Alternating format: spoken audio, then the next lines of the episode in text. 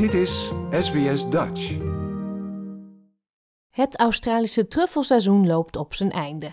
Met ongeveer 90% van de jaarlijkse oogst die wordt geëxporteerd, is Australië nu een van 's werelds topproducenten.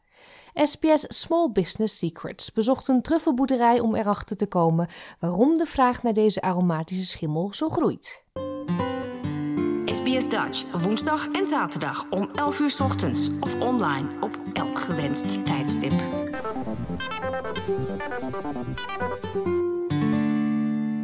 Er is een truffeljacht aan de gang op een veeboerderij in Braidwood, ongeveer een uur ten oosten van Canberra. Truffelhond Bella snuffelt rond eikenbomen om een schimmel te vinden die onder de grond leeft, zo legt boer Dick Grootopink uit. And she's usually right. There's a truffle underneath where she's poured. Bella was a rescue dog which we acquired in 2014. She's very food centric, so she was very easily bribed. So it was very easy to teach her to find truffle. Terwijl boer Dick begint te graven, kijkt de Singaporese toerist Yang samen met zijn elfjarige nichtje Kira uit Canberra toe. Het is een spannende tijd voor Yang, die graag meer wil weten over een van zijn favoriete gerechten. the special uh, aroma that comes with a with a pasta because because I'm vegetarian and it's, it's not easy to find good vegetarian food. It's the first time I'm seeing truffles in uh, in the wild, so it's really an amazing experience. Met een lepel schraapt meneer Grootopink voorzichtig de aarde, waarna de schat zichtbaar wordt, een rijpe zwarte truffel. Ondanks hevige regen is er dit seizoen al 12 kilo aan truffels geoogst op de boomgaard.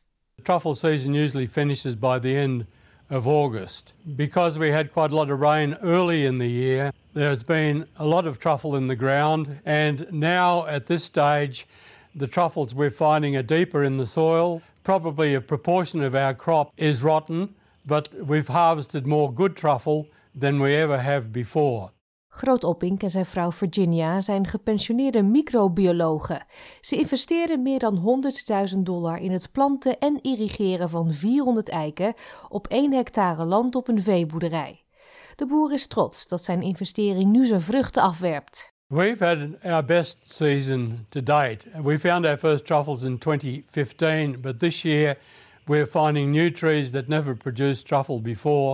Truffels zijn het vruchtlichaam van een bodemschimmel die al eeuwenlang wordt gebruikt om de smaak van voedsel te verbeteren. Dick Grootopink werd aan het einde van de Tweede Wereldoorlog geboren in een boerenfamilie in Nederland. Hij begrijpt de Europese fascinatie voor truffels. Volgens hem neemt de vraag naar truffels vanuit Azië nu ook gestaag toe.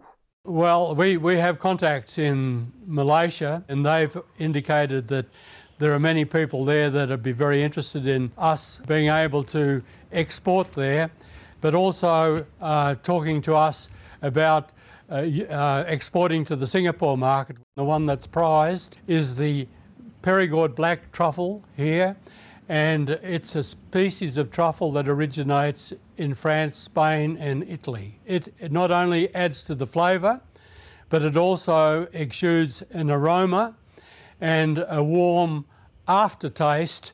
De truffelteelt heeft de afgelopen jaren in Australië een vlucht genomen. Er zijn nu rond de 450 truffelkwekerijen die ongeveer 90% van hun jaarlijkse oogst exporteren naar zo'n 60 landen. Noel Fitzpatrick is de voorzitter van de Australian Truffle Industry Association. Australia is now the fourth largest truffle producer in the world, sitting behind Spain, France, and Italy. Asia is a developing market in truffles. They have a terribly short shelf life of only 10 to 12 days, so they have to be harvested, taken out of the ground, cleaned, graded, packed, and posted, all within 24 to 36 hours, so they can arrive at their destination in good condition and ready ready for consumption. And um, it's a short flight to Singapore or Hong Kong or wherever the hub may be. De heer Grootopink is voorzitter van de Taylors Coöperatie in de Southern Highlands van New South Wales. Hij hoopt de komende jaren de truffelexport naar Aziatische markten uit te breiden. That's one of the problems for the industry generally, that where everybody does their own thing, there's no leverage, there's no good communication. And it's the thing that we emphasize so strongly within our cooperative of growers that is helping each other and everybody benefiting and being able to set up these markets on uh, a permanent basis. Het is hard werken en het werk vereist geduld.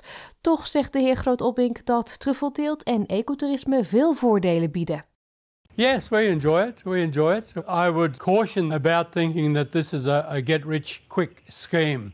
There are a lot of obstacles to overcome, but if people can set up a, a truffle orchard and successfully grow truffles and manage to link into a, a good marketing arrangement, then it can be a very rewarding experience and life for them. We hoorden een verhaal van Sandra Falloon voor SBS World News, vertaald door SBS Dutch. Like, deel, geef je reactie. Volg SBS Dutch op Facebook.